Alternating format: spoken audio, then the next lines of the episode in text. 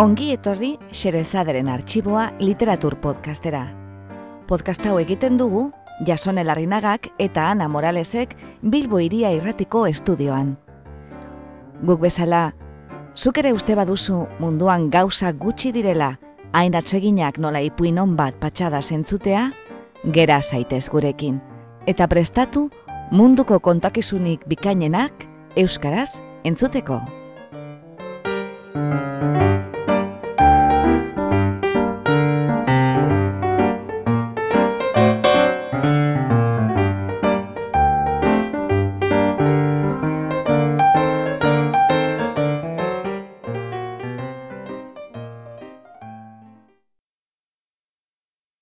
Gaur, xerezaderen arxiboan, aur jolasak, egilea, Xavier Montoya.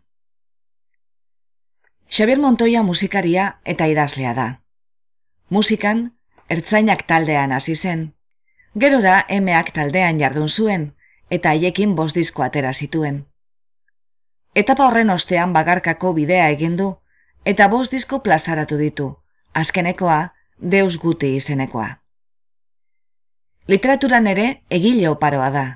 Lau poesia liburu argitaratu ditu, azkenekoa bingo deritzona, zazpi novela, azken afaria deitzen dena da berriena, 2008an argitaratua, eta bost tipuin bilduma, azkenekoa, 2008koa, Fucking Artists izenekoa. Ipuina da, idazlearen hitzetan, bere generorik kutunena. Beste artista batzuekin ere kolaboratzen du batzuetan Xavier Montoiak. Azken aldian, biodiskografiak izeneko literatur irakurketa musikatua egiten dabil Iban Saldua idazlearekin eta Ibon Rodriguez musikariarekin batera.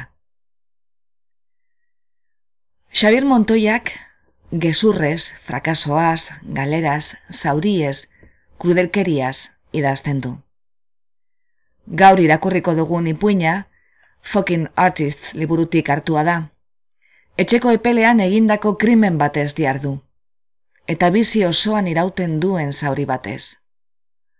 Baina baita, zulo beltzetik burua altxatzen tematzen direnen adoreaz ere. Eskerrik asko, Xavier Montoya, ipuen mingarria hau idazteagatik.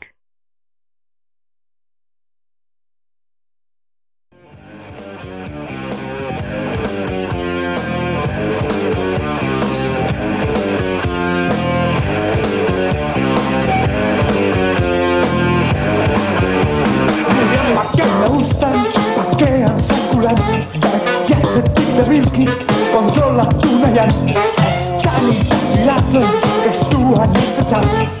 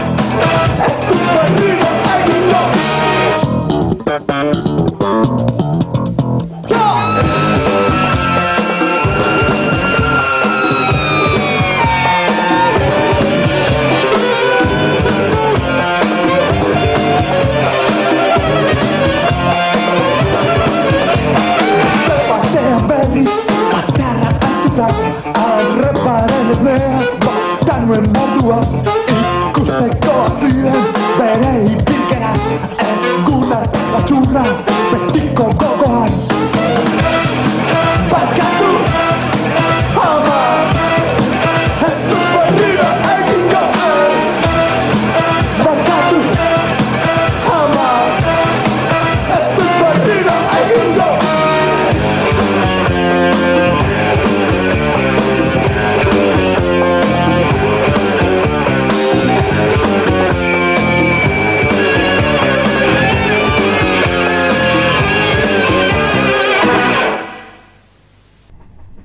aur jolasak.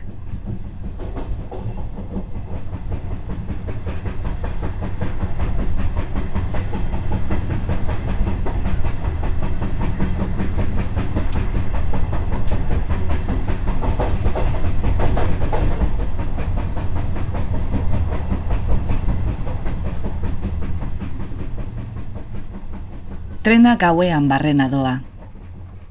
Bidaiari gehienak lotan daude. Begiak ertzirik, neo ere lotan nago iduriz. Oroimenak bakerik emanez ordea, eta denboran aitzina eta gibeleran arama. Aspaldiko partez eta fallara noa. Beldurraz noa. Amaren gorpu hotzak baino gehiago, zuk, duela bantzu amar urte ikusi ez zaitudan horrek, beldurtzen nauzu. Beldurtzen eta nolabait aserrarazten alaber. Ongi egon ginen ondar aldian, baina orduan enengoen zurekin aserre. Edo behar bada aserrenengoen nire aserrea hartu gabe. Hori buruan darabildalarik, otzikara batek inarrozi nau. Besoa lusatu du treneko berogailurantz. Badabil, epela da handik erteten ari dena izea. Uztaila zierako arratzalde batean hasi zen dena, zu ere oroituko zara. Erronkarin geunden, urtero bezala kanpatzera joanak San Fermin garaian. Beste abiarazten zuen txupina jaurtikia itzin lekutu ginen iruñatik. Aita, haren orduko neskalagun Elena eta hiruan nahi arrebo geunden. Goizean bortzak ibila ginen mendean, baina baskalondoan izabara joan ziren aita, Elena eta Amaili, erosketak egitera. Eta zure kontu utzi ninduten ni. Aitatxo eta matxotan jolastuko gara. Iragarri zenidan. Aitaren autoa mendian beiti haien atzean. Bere ala onartu nizun proposamena, jolasa ezagutzen espanuen ere. Agitz jolas polita omen zen, agitz divertigarria. Neu baino bortz urte zaharragoa zinen, eta zinez miresten zintudan. Horregatik egin nuen zu galdatu guztia irriz eta sus momendrenik gabe. Are kanpandendan sartzen eta aitaren eskalagunaren bizkazorroa miatzen ikusi zintudanean ere. Bularretako beltz bat atera zenuen handik. Gustatzen? Enekien zer jardetzi. Etorri ona. Soinan eraman elastiko zuria erantzi zenidan.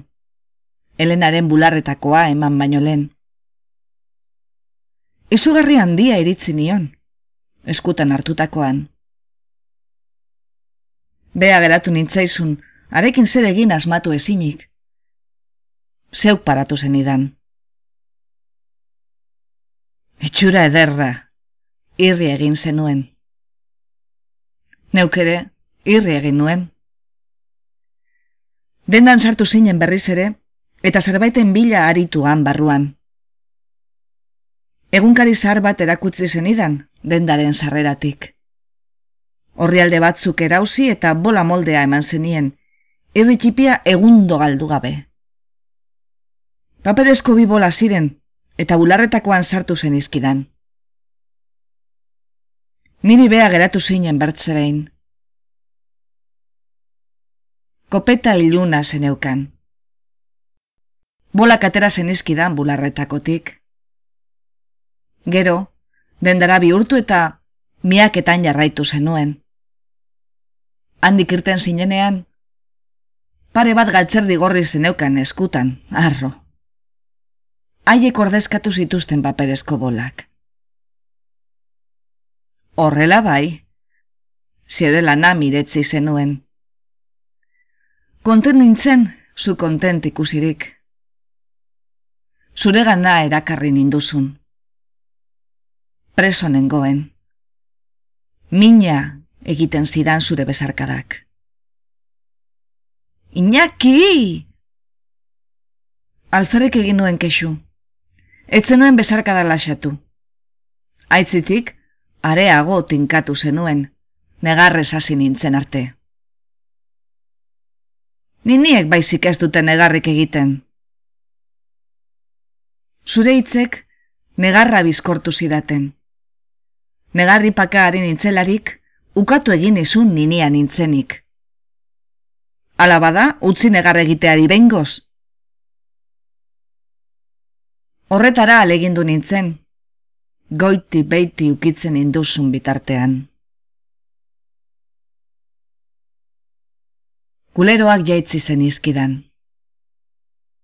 Sabelpea miatu zenidan. Zergatik ez duzu hilerik. Enizun galdera konprenitu. Aldizkarietako emazte guztiek dute.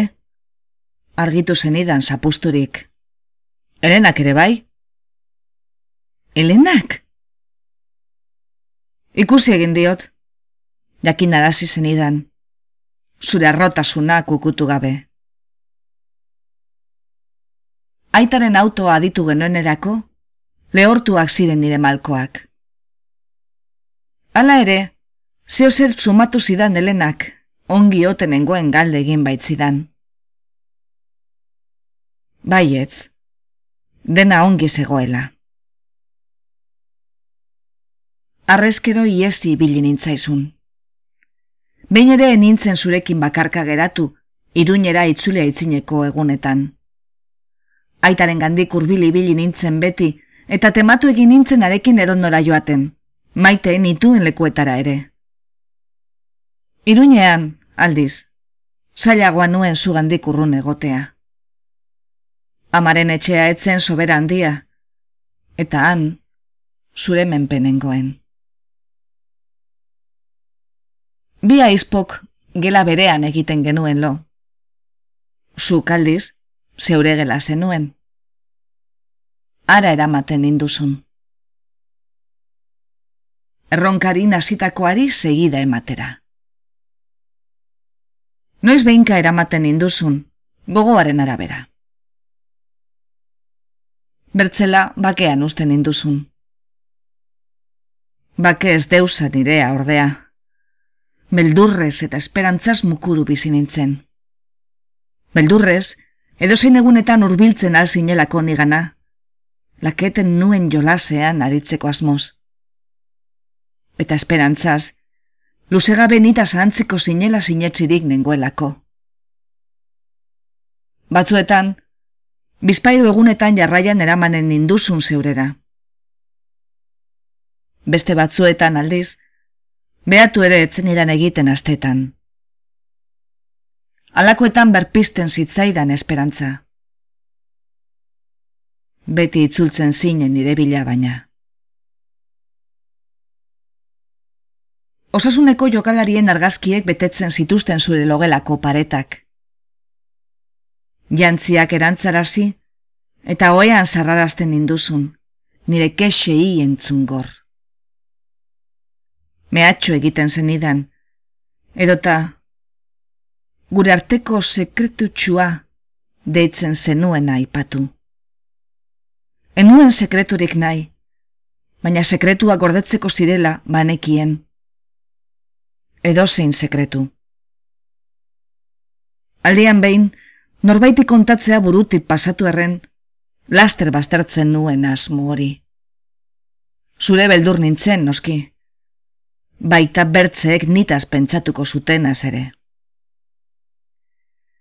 Norbaiti kontatu eskero, etzidala sinetziko uste nuen. Zuk bezain bat beldurtzen induen horrek. Neskatiko mainati baten asmakeriatzat eta gezurtza joko zuten helduek, bekaizkeriak eragindakotzat. Anitz errezelo eta beldur nituen, molde anitzekoak. Oietako bat nagusitzen zen nigan argatik. Handitzerakoan, anaiarekin eskondu beharko nuelakoan, taigabe galdetzen nion neure buruari nola jokatu. Nahasirik, zuri galdegin behar izan izun.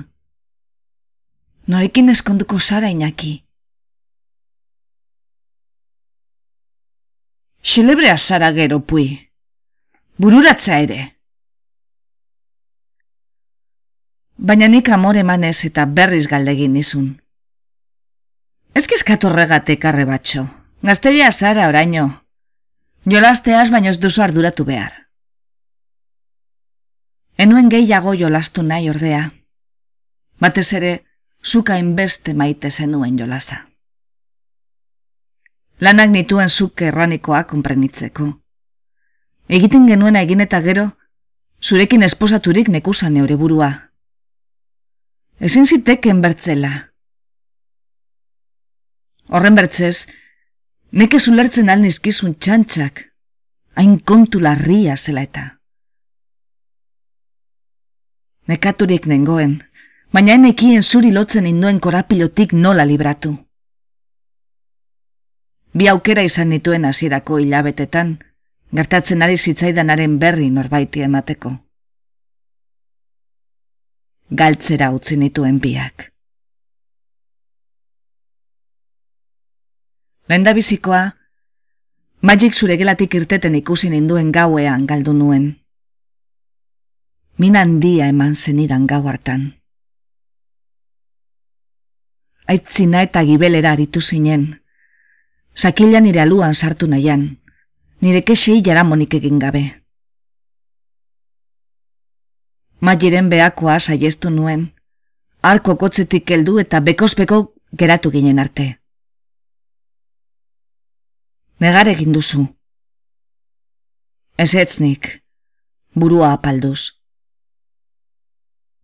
Musuak eman dizkizu? Ez. Erran egia, ez izan beldur. Egia erran dizut.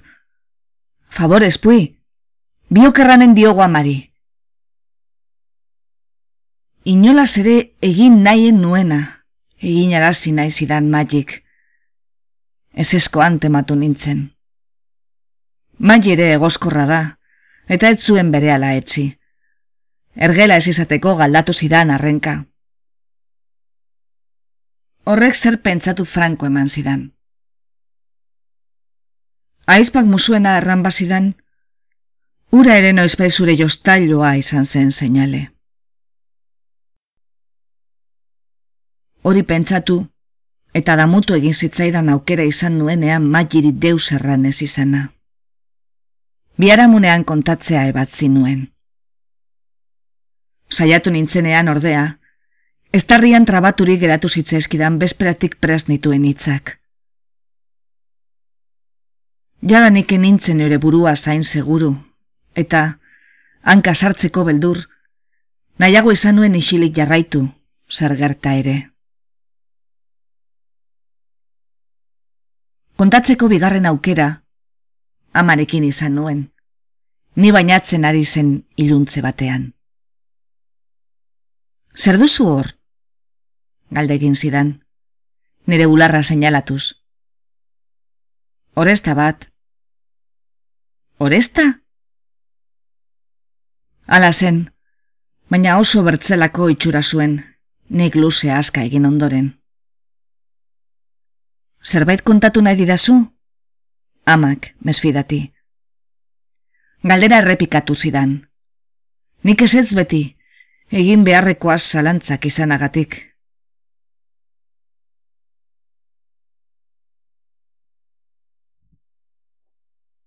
Konta jesaiozu, erraten nion eure buruari. Konta jesaiozu eta inakik bakean utziko zaitu. Eni ondeus kontatu. Nire hitzek sortuko zuten istiluak ikaratzen ninduen. Amak ezin zuen susmatu ere egin zertazari zen bere seme maitea. Handik aitzina, magik izan ezik, bertze inoket zuen tutik sumatu. Betiko gizan jarraitu zenuen beraz. Den aldatuko zela eta nita zahantziko sinela ustea izan nuen tafailara bizitzera joan ginenean, amaren lanakari. Tafaila herri handia zen, baina herria azken finean, batez ere iruñetik heldu norbaitentzat. Aldaketak ala ere, mesede egin zidan. Han hasi bain nintzen egin oiz zenidanaren larritasunaz benetan ohartzen. Gure jolasa deitzen zenionarekin bukatzeko premia konprenitu nuen bizitoke berrian. Nardaturik nengoen. Amar urte betetzeko hilabete batzuk faltan ituela jolastu ginen ondarrekoz. Baino gelan geunden, eta sakila nire aluan sartzera saiatzen ari zinen ennegarrenez. Ordurako ama eskondua zen berriz, eta aita ordea entzunuen etxeko atea irekitzen, lanetik bueltan. Manol ikusi behar dut, erran nizun.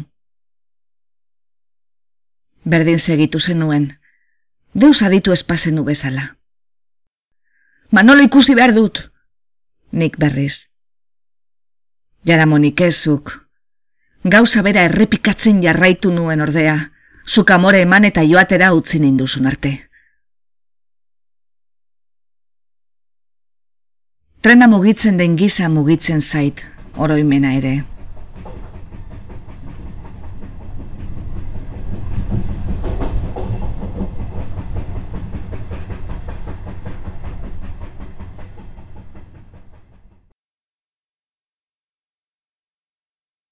Neskati pia izan nintzeneko kontuek, tenore bereko bertzain bat dakaskidate jarraian. Orduko haiek baino xamurrakoak zorionez, baina haiek bezaina azteko zailak. Nolabait, zorionekoa izan naiz, ez baitut pentsatu nahi ere zer ziteke nire bizitza, luzeago segitu izan bazen usurean. Zorionekoa izan nintzen, zalantzarik gabe erabat gal nintekeen.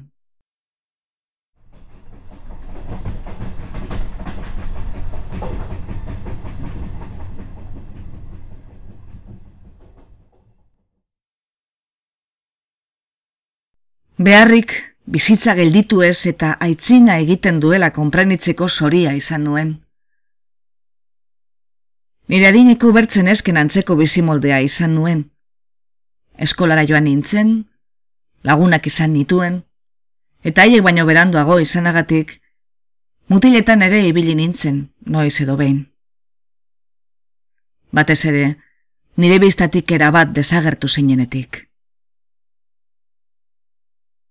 Iruinera joan zinen ikastera, aitaren etxera, eta gutxitan azaldu zinen da fallara arrezkero, gure amaren atzekaberako bizitzari lotu nintzaion ni bitartean. Eskolara joateaz gain, pianoa ikastera joaten nintzen, eta banuen lagunekin ibiltzeko astirik ere. Irudiz, deusek ez ninduen nire ikaskeden gandik bereizten. Irri egin nahi nuen, adizkidekin egon eta libre izan, eta antzi nahi nuen, antzi nahi nuela ere antzi. Kontent nintzen, zu neure baitako sokorik ilunenera bazterturik. Baina inok ez du guzti zahanzten ahal. Hainbat kontu, ongi kukutu arren, kukutzera saiatu denaren gana bihurtzen dira, goiz edo berandu.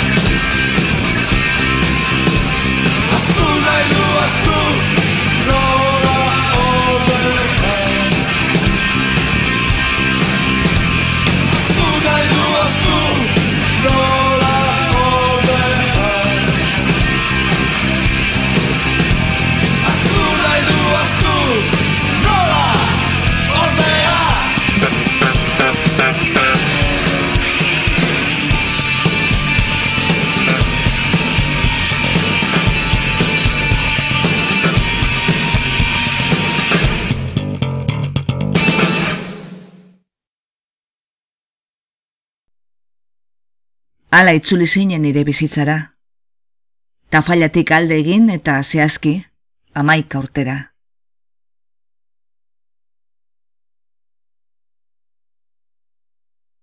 Aitarenean elkartu ginen, zu Alemanian nire urtez ikasten egon eta gero. Asteburuetan izan ezik, han egoten nintzen, medikuntza ikasle. Gutariko bakoitzak bere gela zuen, noski, eta bakean utzi ninduzun hasieratik.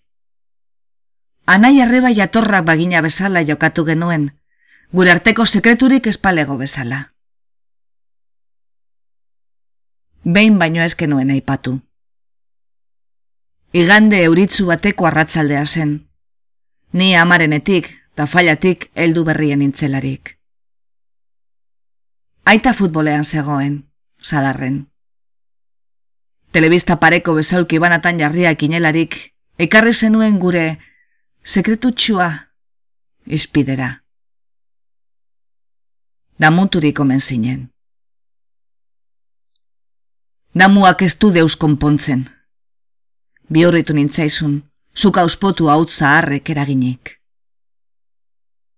Mintzatu nahi alduzu? Enuen nahi inolaz ere. Nahi duzun bezala, erran zenuen. Gertatu egin zen, baina bukatu ere noizpait, barkaturik zara. Horixe adierazin izun, nahiz eta bien artekoa, segula etzela benetan bukatuko sumatu. Baina artean, enen goen hartaz hitz egiteko prest. Enuen horretarako nahi eta eskotza jotzen nuen sosegu askirik, ez da behar adinako templerik ere. Hobe nuen, bertze baterako utzita. Noizbait iruñetik aldegin eta donostian hasi zinen lanean. Bakarrik geratu nintzen aitarekin. Ikasketak bukatu eta Eskoziara ingelesa ikastera joan nintzen arte. Edinburgon libre eta posik bizi nintzelarik ere, simiko egiten zidan zure itzal luzea kaldika. Erdietzi nuen harta zanztea ala ere.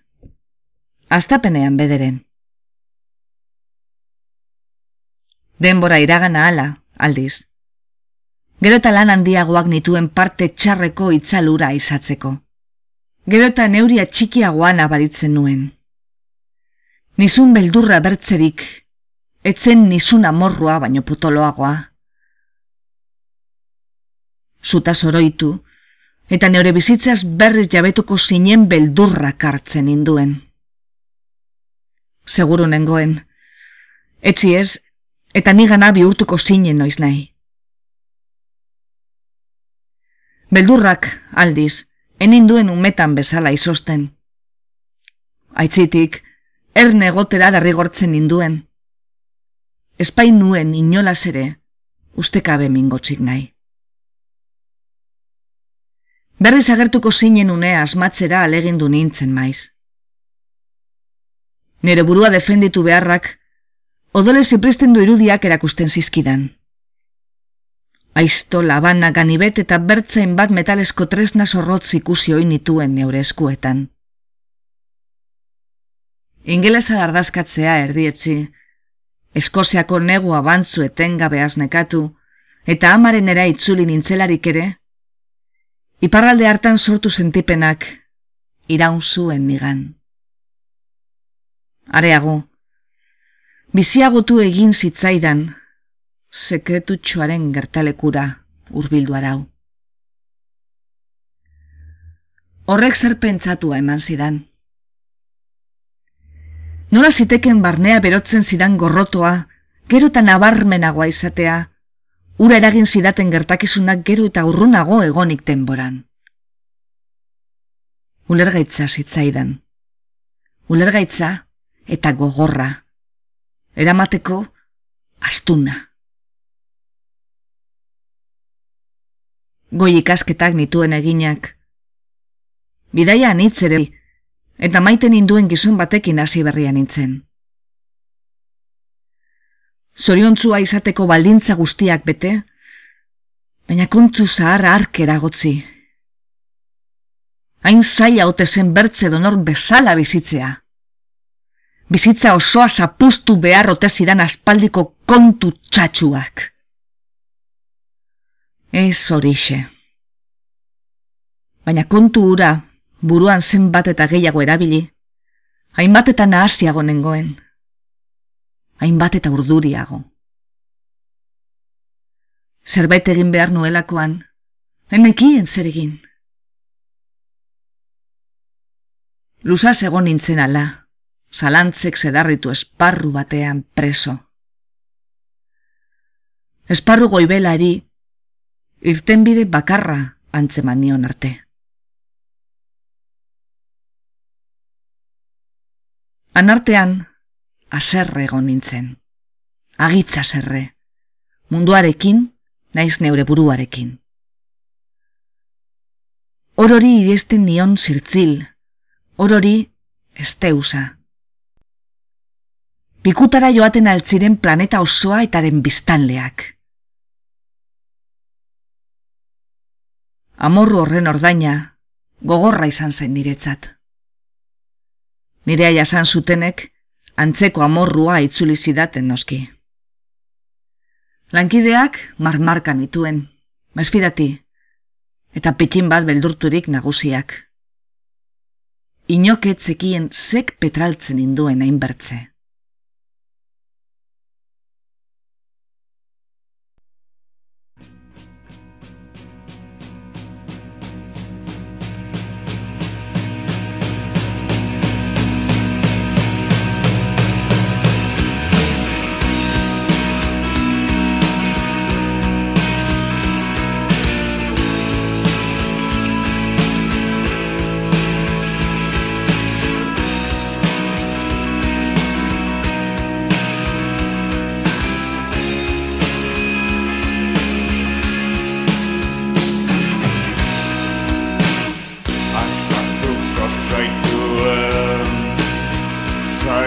zauden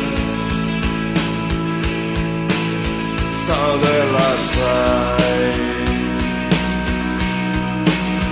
Zaude ziu Azkatuko zaituela Kateak itxusiak baitira. Iotzaren gorputzean. Kateak itxusiak baitira. Iotzaren gorputzean Iotzaren gorputzean. Te itxusiak baitira Iotzaren gorputzean Kateak itxusiak baitira!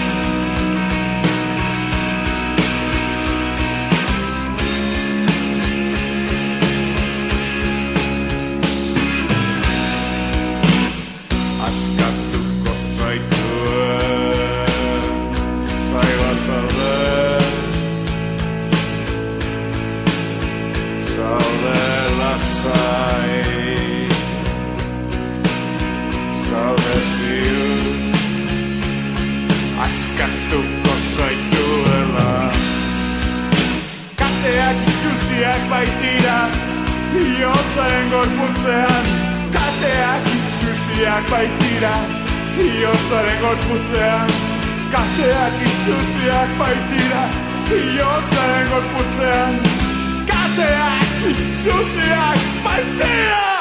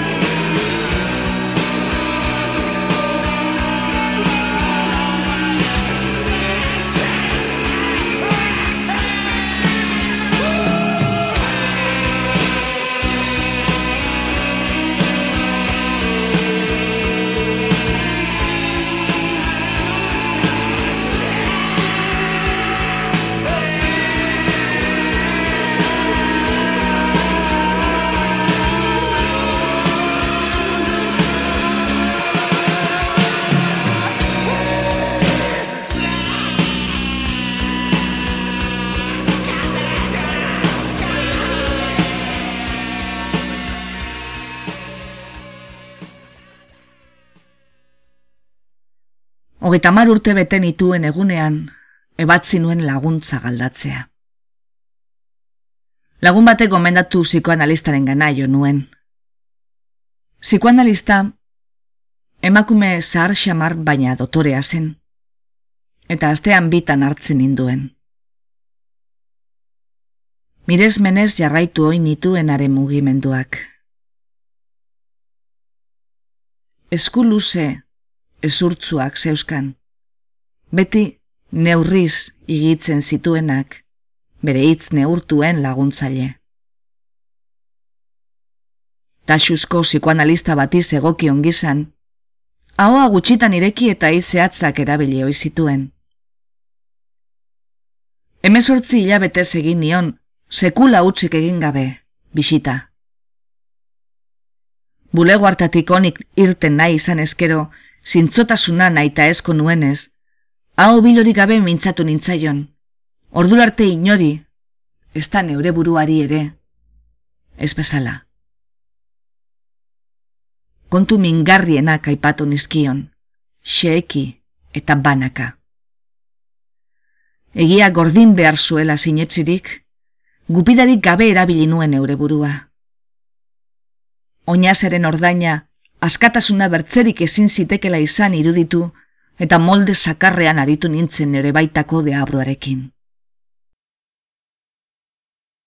Horrek familiari ere dena azaltzeko beharra pentsatzera eraman ninduen. Psikoanalistari erran nion. Haren oniritzia jaso nuen, egin zizkidan galdera bakanak erantzun eta gero. Errazenetik hasi nintzen maieren gandik. Zure gelatik irteten harrapatu ninduen aspaldia handiko gaua goguan. Gurasoi baino lehen ari kontatzea ebatzi nuen. Asmatu nuen. Itz gutxi batzuk aski ark, zer erran nahi nion jakiteko. Elkar bezarkatu, eta hala egin genuen negar. Banekien. Errepikatu zuen magik, negari paka. Banekien. Joanak, joan, aizpa kontsolatzera alegindu nintzen, baina negarrari arras eman zion magik. Ume batzuk bertzerik ezkinela oroitara zenion. Neupaino bi urte gehiago baizik etzuela. Etzuela ezeren errurik. Magiri aldiz. Urtetan lurpean gorde mustroak oldartu zitzezkion, denak batean.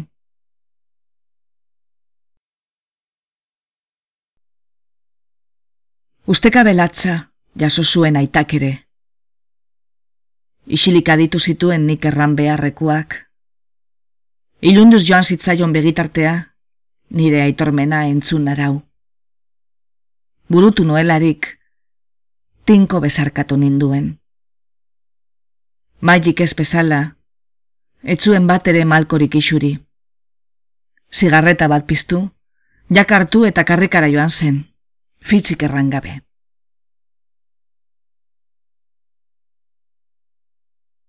Ama berriz, etzen isildu. Uko egin zion bere kutuna kalakorik egin zuela onartzeari, eta estapenetik egin zidan kontra, gezurretan ari nintzelakoan. Beste inor baino gehiago maite zintuen. Haren gizon txoa zinen, haren zeme lehena eta bakarra, eta ama batek baizik ezin defenda dezaken gizan defendatu zintuen. Sekulakoak erran zizkidan. Hain sekulakoak, nonark leporaturikoa ezin eraman, eta etaren orpotik segitu bainuen karri kaldera, triste eta azker negaturik ni ere. Ein batean, ulergarria zitzaidan amaren jokaera. Hala ere, ezin ukaaren hitzek arrunt mindu nindutela. Egun hartan ikusi nuen ondarraldiz. Zenbat bider esote dut egunura atzera bizi izan. Zenbat bider esote ditut amaren hitz koleratuak nire baitan berri zentzun. Batez ere, haren hiletetara joateko hartu dudan trenera igona izenetik. Egin behar nuena baino enuela egin sinetzara nahi diote aure buruari. Nik nuela inondik ere amail. Areago, amaren eriotza norbaiti egostekotan, zuri behar zaizula egotzi, deritzot. Ama zoroitu, eta orduko mina berritzen zait. Nire buruari oroitarazi behar izaten diot, zeinen latza izanen zenaren zat, zu eta bion arteko sekretutxua. Areago, zeinen zaila, zeinen ezinezkoa izan behar zitzaion bere inakik egin izugarrikeriaren irudikatze utza ere. Bere bihotzeko semeak egin izugarrikeria eta ura hainbat urtez luzatzea batipat.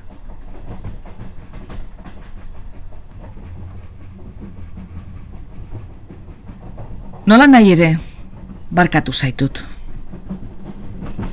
Txikitatik ateatu nauen izutik askatu nahi izan dut nire burua betiko. Zori gaitzez, barkatzeak ez dit espero nuen bakea ekarri. Ez da beldurra kolkotik usatu ere. Usatu, edo pitxin bat lehundu bederen. Horregatik, barkatu bai, baina ondar urteetan osatu dudan familiaren gandik ahalik eta urrunen nahi zaitut. Munduko beste muturrean, antipodetan nalizan eskero. Batez ere, ustaila zierako arratzalde urrun hartan, neok nuen adin berbereko gure bortz urteko alabaren antipodetan. Nire beldurra, potoloa da atik, azkarra, eta gildigaitz nabari dut zainetan barrena. Noiz baite txea errani onartara, gauean barrena naraman, trena balitz bezala.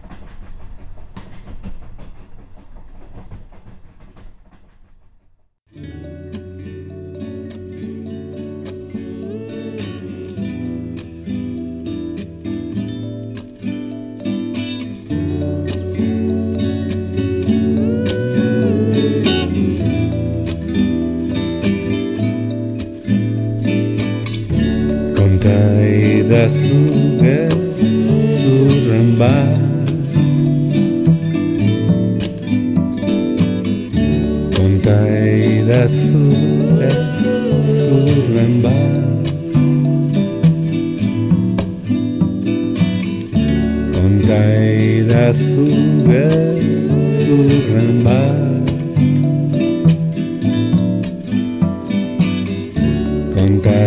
das fugas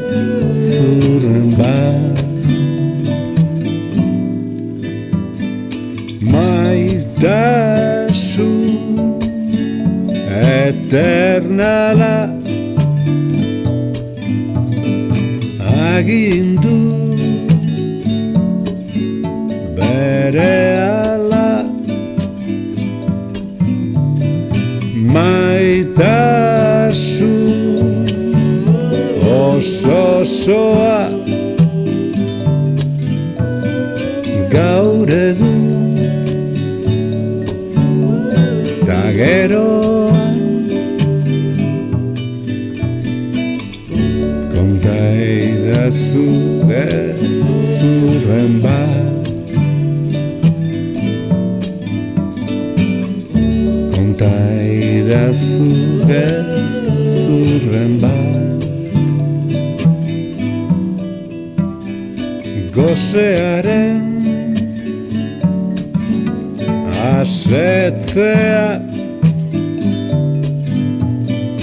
Diruaren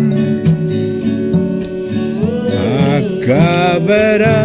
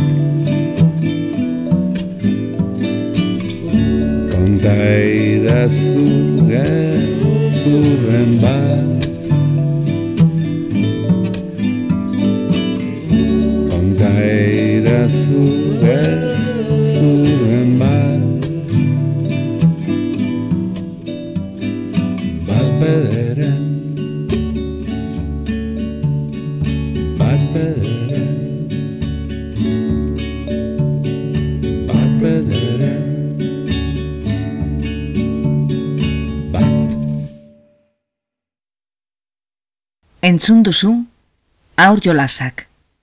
Egilea Xavier Montoya.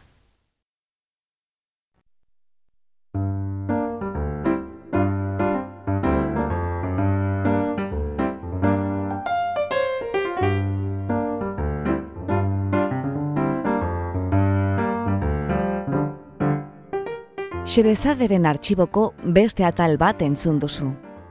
Gure doinoa da Charleston Behind the Attic Door, Dance of the Wind taldearena. Besterik adierazi ezean, gure musikak jamendo.cometik hartuak dira, eta soinu efektuak berriz freesound.cometik ateratakoak. Podcast hau egiten dugu Jason Elarrinagak eta Ana Moralesek Bilbo Iria Irratiko estudioan.